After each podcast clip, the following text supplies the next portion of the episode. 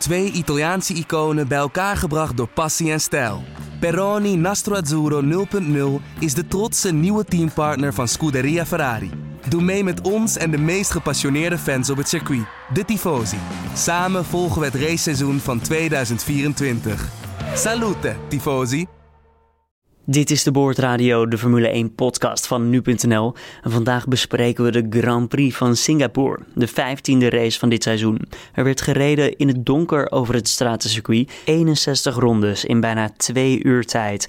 Hamilton kwam als eerste over de finish en daarna volgde Max Verstappen. Als derde wist Vettel te eindigen. Mijn naam is Julian Dom en in Singapore hebben we Formule 1 verslaggever Joost Nederpelt. Dit is de Boordradio. Joost, jij zit in Singapore momenteel. Je hebt de race daar eh, van dichtbij kunnen bekijken.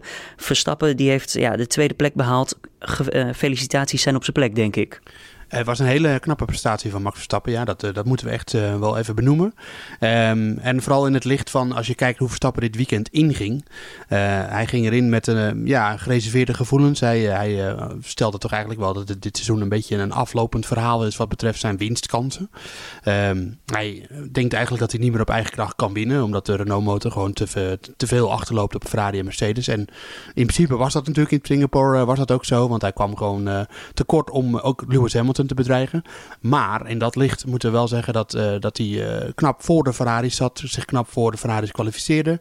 Met echt een hele goede rondetijd. Daar wil ik zo nog even iets over zeggen. Maar ook um, in de race zich heel erg knap stand hield. En uh, ja, ook al profiteerde natuurlijk van Ferrari. Wat echt in een, in een soort van vormcrisis verkeert. sinds de Italiaanse Grand Prix. Um, ja, eh, maar Verstappen was gewoon, uh, was gewoon ongenaakbaar. Hij heeft eigenlijk geen, uh, geen fout gemaakt. En, en had een hele goede kwalificatie. kwalificeerde zich op de eerste startrij. wist zich Vettel in de eerste bocht net van het lijf te houden. Daarna moest hij zich in de tweede plaats toch prijsgeven. Maar dankzij in ieder geval een betere tactische uh, besluiting, besluiten van, van, uh, van Red Bull uh, in, tegenover die van Ferrari kwam je er toch weer voor, nipt. En er waren ook nog wel andere factoren die daarin meespeelden. maar daarna reed hij gewoon makkelijk weg bij Vettel en kon hij Hamilton enigszins bijhouden, maar nooit echt bedreigen. Op dat ene moment en ze natuurlijk. hebben wel een kort gevecht gehad natuurlijk, eventjes halverwege tegen het, nou, tegen het einde van de race aan. Maar ja, Hamilton die reed toch weer weg en daar zag je echt het krachtverschil tussen beide motoren, toch? Ja, misschien ook wel een beetje. Dat is ook echt de kwaliteit van Hamilton. Uh, dat hij op zo'n moment. Uh, het, het, was wel even kiele kiele. En Hamilton zei zelf ook. Ja, maar mijn hart zat wel even in, in de keel uh, op dat moment. ik zal het even beschrijven. Dat, dat, kwam, de, de, leiders kwamen af op een groepje wat aan het knokken was. Met onder meer Grosjean zat daarin.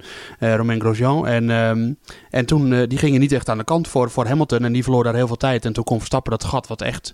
De heel, lang was dat iets van 3,5, 4 seconden. Dat kon hij zo dichtrijden. En toen zat hij in één op de achtervleugel van Hamilton. En wilde hem nog even naast zetten op dat korte rechte stukje waar het, eh, waar het zich allemaal afspeelde.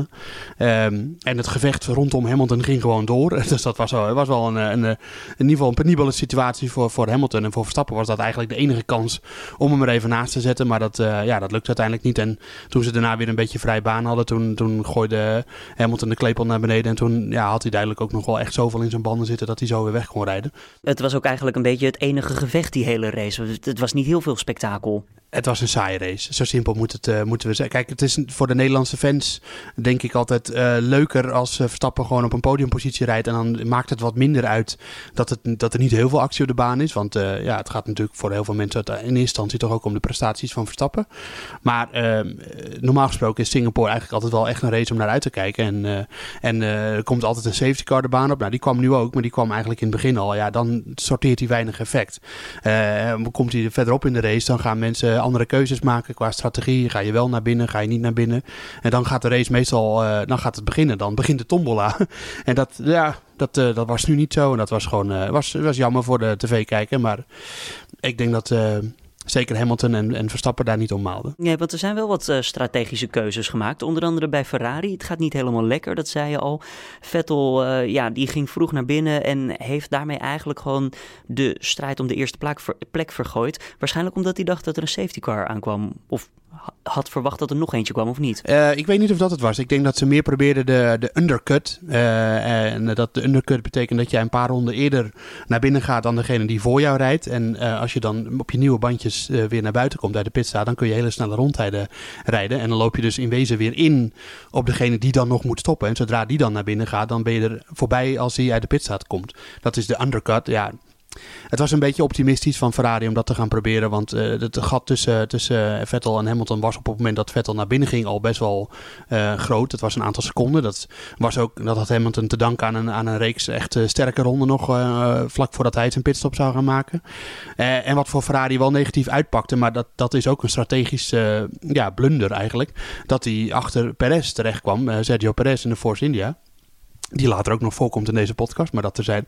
Uh, en daar verloor Vettel zoveel tijd. Maar dat hadden ze kunnen weten bij Ferrari. Want ze weten precies waar iedereen rijdt. En ze weten precies hoe lang een pitstop duurt. En ze weten daarom ook precies wanneer je achter wie terechtkomt als je weer de baan opkomt. Dus, uh, het is niet meer dan een kwestie van rekenen. Ja, maar ja, als, het, was, het was eigenlijk een, een gok van Ferrari om dat te doen, uh, heb ik het idee. En, en ja, dat tekent misschien ook wel een klein beetje de wanhoop waarin Ferrari verkeert. Ze hadden niet, niet verwacht dat ze de, als derde zouden starten. Ze gingen er toch wel vanuit dat ze hier de beste auto zouden hebben in Singapore. Nou, die hadden ze de hele weekend tot op het moment dat het erom ging, tot de kwalificatie uh, in de beslissende fase belanden. Het zette een paar operationele blunders bij Ferrari toch wel uh, in het systeem. Die, die, die hebben we in, in Monza al kunnen zien dat uh, Rijkonen achter Vettel terecht kwam in de kwalificatie in het laatste deel. Waardoor Rijkonen kon profiteren van de toe, de, slipstream van Vettel. En Vettel was daar niet blij mee. Nou, de kwalificatie in Singapore verliep ook weer niet goed voor Ferrari. Want ze probeerden in Q2, het middelste deel van de kwalificatie, toch door te komen op de ultrasoftbanden, de middelste banden. Terwijl Mercedes in de, het eerste deel van de kwalificatie, uh, toen de tijden eigenlijk nog niet zo uh, snel hoefde te zijn, al aantonen dat het op de ultrasoft er echt niet in zat. om, om in de top 10 te eindigen. Want beide auto's belanden toen buiten de top 10 en konden toen wel door. En dat Ferrari dan toch probeerde, ja, dat, de, dat was een gok. En uh, dat pakte daardoor, daardoor verloren ze veel uh, tijd uh, om op de Hypersoft banden te rijden. En dat kostte Vettel uiteindelijk misschien toch wel echt een, een poging om een pole te pakken in ieder geval.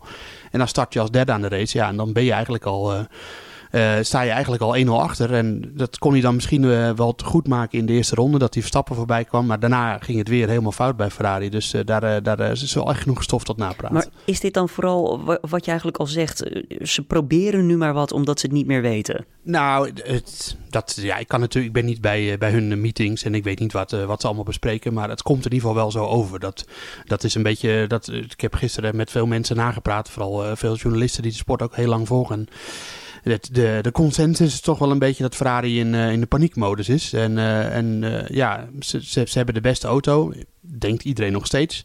hoewel Mercedes toch wel weer stapjes gemaakt heeft sinds de voor Mercedes toch wel ontluisterend verlopen Belgische Grand Prix, de race voor Italië. Dat zei Toto Wolff ook, de teambaas van, van Mercedes. Van, ja, we hebben toen zijn we wel met de neus op de feiten gedrukt en wisten dat we wel aan de slag moesten met, de, met deze auto.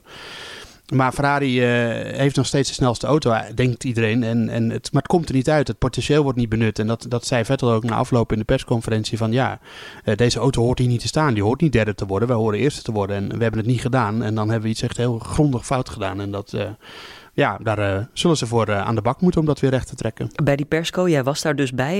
Hij is dus wel kritisch op zichzelf en op zijn team. Nou, dat is dus een beetje Vettel uh, en ik denk coureurs eigen dat, uh, dat je dus niet, uh, niet je team in de, in de persconferentie en afloop meteen af gaat branden. Maar hij zei het eigenlijk soort van door te zeggen. hij zei het eigenlijk zonder het te zeggen. Zo, zo moet je het eigenlijk samenvatten. Hij, hij zei ja, ik wil het team altijd verdedigen. maar daarna zei hij ook van ja, ik, ik kan niet zien wat er omheen gebeurt, dus ik moet vertrouwen op het team. En uh, nou, dat, was dus, dat had hij gedaan. En, uh, want die call om, om hem naar binnen te halen vroeg om hem op Ultrasoft te zetten, die kwam niet van Vettel zelf, die kwam van het team. En die pakte dus niet goed uit en daar verloor hij de tweede plaats mee. En, uh, tussen de lijnen ja, door lees je dat hij niet heel tevreden is op die manier. Hij was niet heel tevreden. Nee, dat was zaterdag al zo. Want voordat de camera's aangingen bij de persconferentie... zat hij echt uh, opzichtig nee te schudden en te balen en te vloeken in het, uh, in het Duits, gok ik. En, uh, en toen kwam Hamilton naast hem zitten en die, die glimlachte natuurlijk van oor tot oor. En dat maakte het eigenlijk alleen maar erger. En Vettel is op zich niet echt een slechte verliezer. Niet meer, denk ik, dan andere coureurs. Maar, want hij was daarna gewoon wel redelijk te spreken. En hij dook niet in een, in een soort van defensief mechanisme. Maar uiteindelijk merk je gewoon aan hem dat hij, dat hij wel voelt dat de titelkansen nou, misschien al weggeglipt zijn, maar in ieder geval heel erg hard aan het wegglippen zijn. En dat, dat moet toch een bittere pil zijn om te slikken voor, voor Ferrari en zeker ook voor Vettel. Ja, laten we het daar nog even uitgebreid over hebben inderdaad, het kampioenschap. Want Hamilton is weer uitgelopen. Het verschil met Vettel is nu 40 punten, Joost.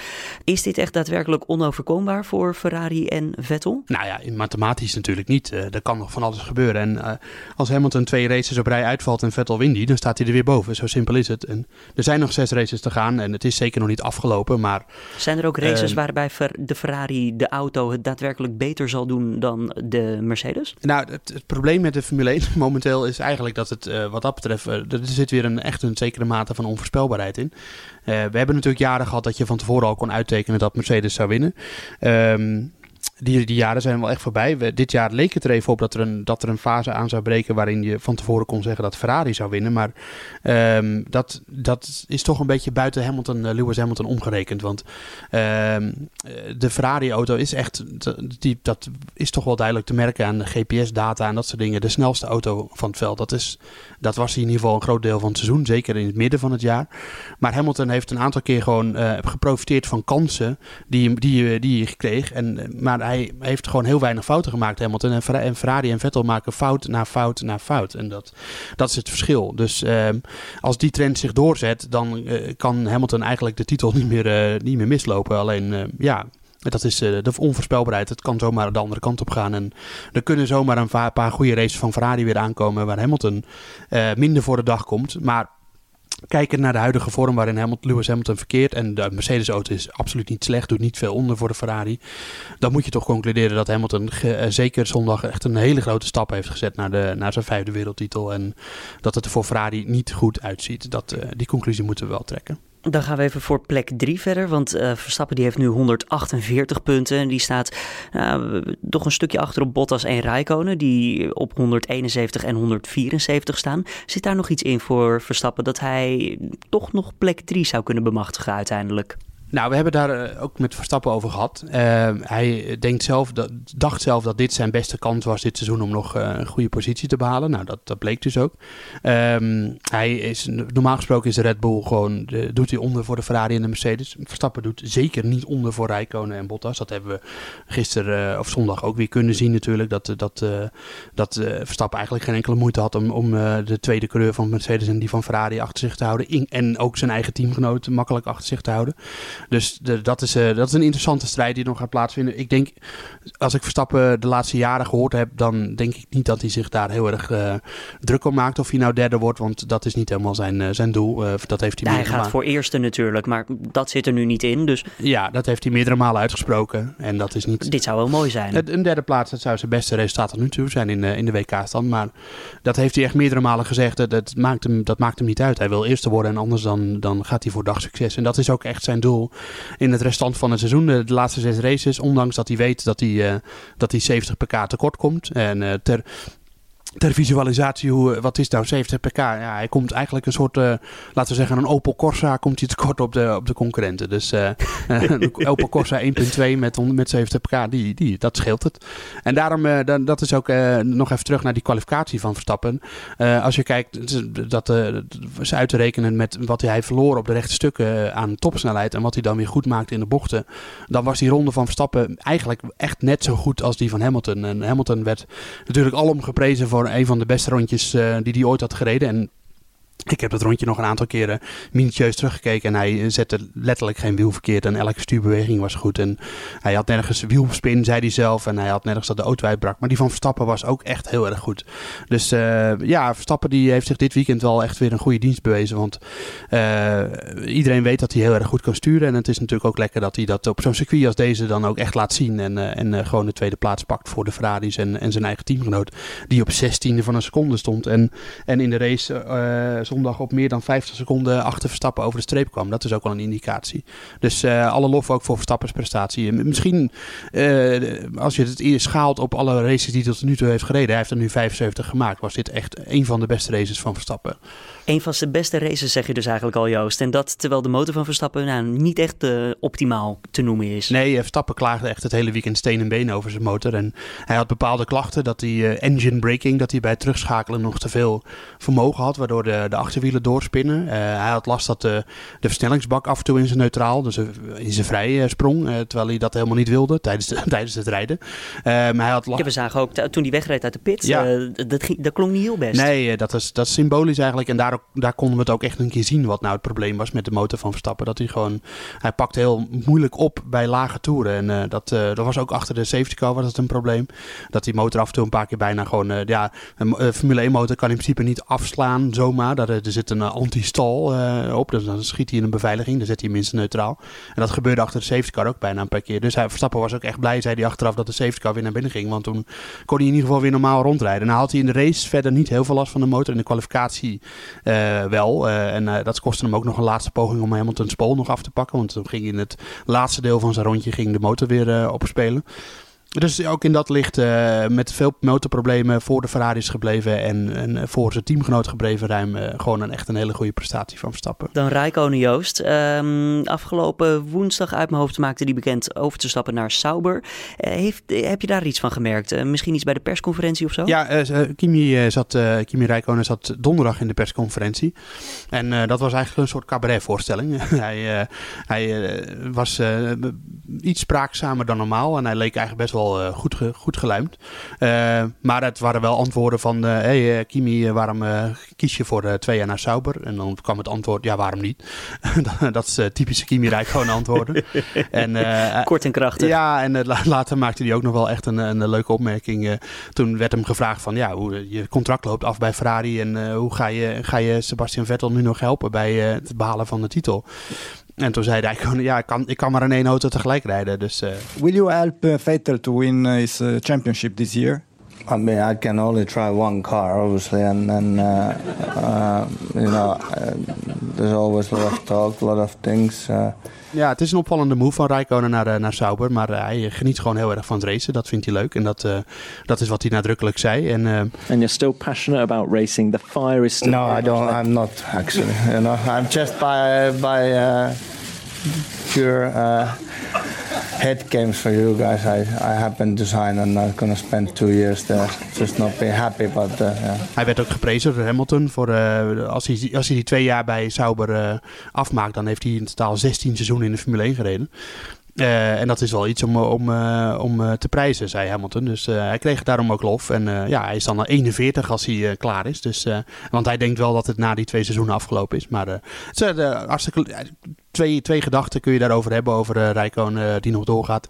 Aan de ene kant uh, met de, de schaarste van de stoeltjes voor de jonge talenten die er momenteel heerst, is het natuurlijk wel opvallend dat een coureur van 38 nog, nog twee jaar doorgaat. Terwijl, ja, wat valt er nog te winnen? Zo eerlijk moet je zijn. Aan de andere kant is het natuurlijk hartstikke leuk om een, om een karakter en een wereldkampioen als Rijkonen nog twee jaar in de Formule 1 te hebben. Dus ja, ben heel benieuwd hoe dat gaat lopen. Tot zover dus Rijkonen, Joost. En dan eventjes naar een andere man die zichzelf meerdere keren liet zien tijdens de race. Niet van van zijn beste kant, Perez. Wat gebeurde met hem precies? Ja, Perez speelde best wel een, een sleutelrol in de, in de, in de race. Uh, dat gebeurde natuurlijk in eerste instantie bij de start. Nadat hij uh, door de eerste tweede bochten was, toen tikte hij zijn teamgenoot uh, Esteban Ocon, die via de buitenkant om hem heen reed, tikte hij, nou, hij tikte hem gewoon de muur in. Zo simpel was het. En toen zei hij daarna van, ja, er was geen ruimte. Nou, er was wel ruimte, dat, dat kon je duidelijk zien. Er was nog een, een wagenbreedte tussen Ocon en, en Perez in, dus dat was merkwaardige actie. En Ocon was er ook niet blij mee. En dat was ook wel te begrijpen. En later in de race toen kwam hij achter uh, Sirotkin terecht, Perez. Nadat hij ook nog Vettel natuurlijk had opgehouden. waardoor Vettel zijn tweede plaats kwijtraakte. Dus dat, daar speelde hij ook nog een rol in. Um, maar toen kwam hij achter uh, Sirotkin terecht. En daar was hij nogal gefrustreerd over. Dus op het moment dat hij zijn auto de Force India ernaast zette. Toen ja, hij zei dat hij te vroeg instuurde. Maar het leek toch wel heel erg op een bewuste tik. Of een, een merkwaardige actie was dat dat hij zo tegen Sirotkin... Hij ging vol naar links. Ja, hij ging vol naar links. En het kan niet zijn dat hij niet wist dat Sirotkin daar reed. Dat, dan, als je dat niet door hebt als Formule 1-coureur, dan... Ja, dat zou wel merkwaardig zijn. Dus, um, ja, zo'n excuus twee keer in één race gebruiken, daar kom je echt niet mee weg. Ja, dat was geen goede beurt voor uh, Sergio Perez. Uh, ik was donderdag nog even bij zijn uh, mediasessie en daar kwam hij heel veel vertrouwen over. En dat, dat, dat komt dan omdat hij al weet dat hij volgend jaar gaat rijden bij Force India, dat is nog niet bevestigd, maar dat is een publiek geheim. Um, terwijl Ocon, die hij uh, natuurlijk uh, in de eerste bochtcombinatie van de baan tikte, die raakt gelijk uh, waarschijnlijk aan het eind van dit seizoen zijn, zijn plaatsje kwijt. Nou, sowieso bij Force India, want Perez gaat daar tekenen en Lance Stroll de zoon van Lawrence Stroll die het team gekocht heeft, die, die gaat daar, dat is ook nog niet aangekondigd, maar dat is een, ja, een no-brainer dat hij gaat, daar, gaat rijden daar, want die gaat natuurlijk in het team van zijn vader rijden. dus Ocon valt dan buiten de boot, dat was eigenlijk het gesprek van de donderdag. Dat Ocon uh, echt een groot talent staat onder contract bij Mercedes. Ja, volgend jaar waarschijnlijk toch een jaar uh, moet toekijken, want de, de, de, de, plekjes zijn heel schaars. En het feit dat hij gelieerd is aan Mercedes, dat blokkeert ook dat hij bijvoorbeeld zou gaan, gaan rijden bij Toro Rosso, bij, uh, van Red Bull natuurlijk, het B-team. Of bij een team wat gelieerd is aan Ferrari, Haas of Sauber Alfa Romeo. er zijn weinig plekjes over, dus misschien nog kansje bij Williams. En ja, Ocon is voor, voor het perspectief de man die kampioen werd in de Formule 3 in het jaar dat Max Verstappen daar ook in reed. Dus echt, een, echt een groot talent. En ja, dat is een beetje het, het, verhaal dat, dat jongens zoals hij dan geen plek gaan krijgen. En dat is met Stoffel van Doorn natuurlijk ook zo. Die is ook GP2-kampioen geweest. Twee jaren in een slechte McLaren gereden. En nooit echt een kans gehad. Zij verstappen daarover. Die, die, hadden we daar nog even over gesproken. Die, die vond het heel jammer voor Van Doorn. Dat is ook zo'n jongen die dan buiten de boot valt. Maar nooit echt een kans gehad. Ik bedoel, hij rijdt toch in de Formule 1. Dat is toch de kans. Je kan met een slechte auto ook laten zien dat je goed scoort, of niet? Dat, zo zou je dat kunnen zeggen. Ja, dat, dat is wat Verstappen erover zei. Die vond dat hij nooit echt de kans had gehad. En die, die baseerde dat ook vooral op dat, die, dat, dat uh, bij McLaren alle goede onderdelen en als er nieuwe onderdelen zijn, die gaan dan toch vooral naar Fernando Alonso en niet naar Stoffel van Doornen. Dus uh, ja, maar Van Doornen heeft zelf, uh, er zijn toch wel wat races geweest waarin hij slecht voor de dag kwam. Dat, dat, dat moet je ook concluderen. maar ja, het, is een jongen waar echt wel wat meer potentie in zit, zou je kunnen zeggen, op basis van wat hij in, in het verleden heeft laten zien in de juniorklasse. En hij is zijn eerste debuutrace bij McLaren reed hij meteen in de punten. Maar um, ja, daarna is het toch wel een beetje bergafwaarts gegaan. En dat, uh, dat is jammer voor, uh, voor zo'n zo'n talent die dan ja, echt met, met veel met veel potentie de Formule 1 inkwam en het uiteindelijk toch niet heeft kunnen waarmaken. En Ocon die heeft het eigenlijk wel waargemaakt, want die rijdt echt heel regelmatig in de punten en echt knappe races laten zien met de Force India. En die gaat dan toch ook uh, uh, toekijken waarschijnlijk volgend jaar. Dus dat, uh, dat is de keerzijde van, van het feit dat er maar 20 auto's zijn in de Formule 1 en dat veel coureurs onder contract staan bij teams of bij fabrikanten en niet altijd overal heen kunnen. En dat, ja, dat, dat openbaart zich dan op die manier. Het werd dus 1 Hamilton in Singapore, 2 Max Verstappen en 3 Sebastian Vettel. Over twee weken gaan we door in Rusland. Dan uh, verhuist de hele karavaan die kant op richting Sochi, de autodrom. Spreekt dat zo goed uit eigenlijk, Joost? Uh, ja, dat uh, klopt volgens mij wel. Ja. ja. Het, in, het, in het Olympische park, hè, waar, de, waar de winterspelen zijn gehouden. Wat kunnen we daar verwachten? Ligt het circuit voor... Ah, wat kunnen we daar verwachten? Wie ligt dat circuit? dat is een circuit waar in principe Mercedes denk ik ook wel goed voor de dag gaat komen. En de Ferrari en Mercedes gaan daar profiteren veel meer van hun motorvermogen dan in dat ze dat in Singapore. Want er zijn echt lange rechtstukken. Waar de Red Bull eh, wel eh, behoorlijk wat eh, tijd gaat verliezen. Um, het terugkerende fenomeen. dus daar, ja, het wordt voor Verstappen, het podium wordt denk ik een doel. En ja, dat moeten we eigenlijk gewoon, dat, dat is wat Verstappen er zelf over zegt. Ik ga ervan uit dat ik dit seizoen niet meer op eigen kracht ga winnen door het gebrek aan motorvermogen. Hij kwam er zondag heel dichtbij, maar toch lukte het inderdaad niet. Uh, en uh, dat gaat eigenlijk het hele seizoen gaat dat. Mexico noemde hij als een kans om, maar daar heeft hij natuurlijk volgend jaar gewonnen, vorig jaar gewonnen. Uh, als een de grootste kans van de, de, resterende zes races om nog echt een goed resultaat te laten zien. En verder wordt het echt uitzien naar de, de wissel naar de Honda motor, waar toch wel wat positieve geluiden over te vertellen zijn. In de zin van dat daar in ieder geval meer vermogen uitkomt momenteel dan uit de Renault motor.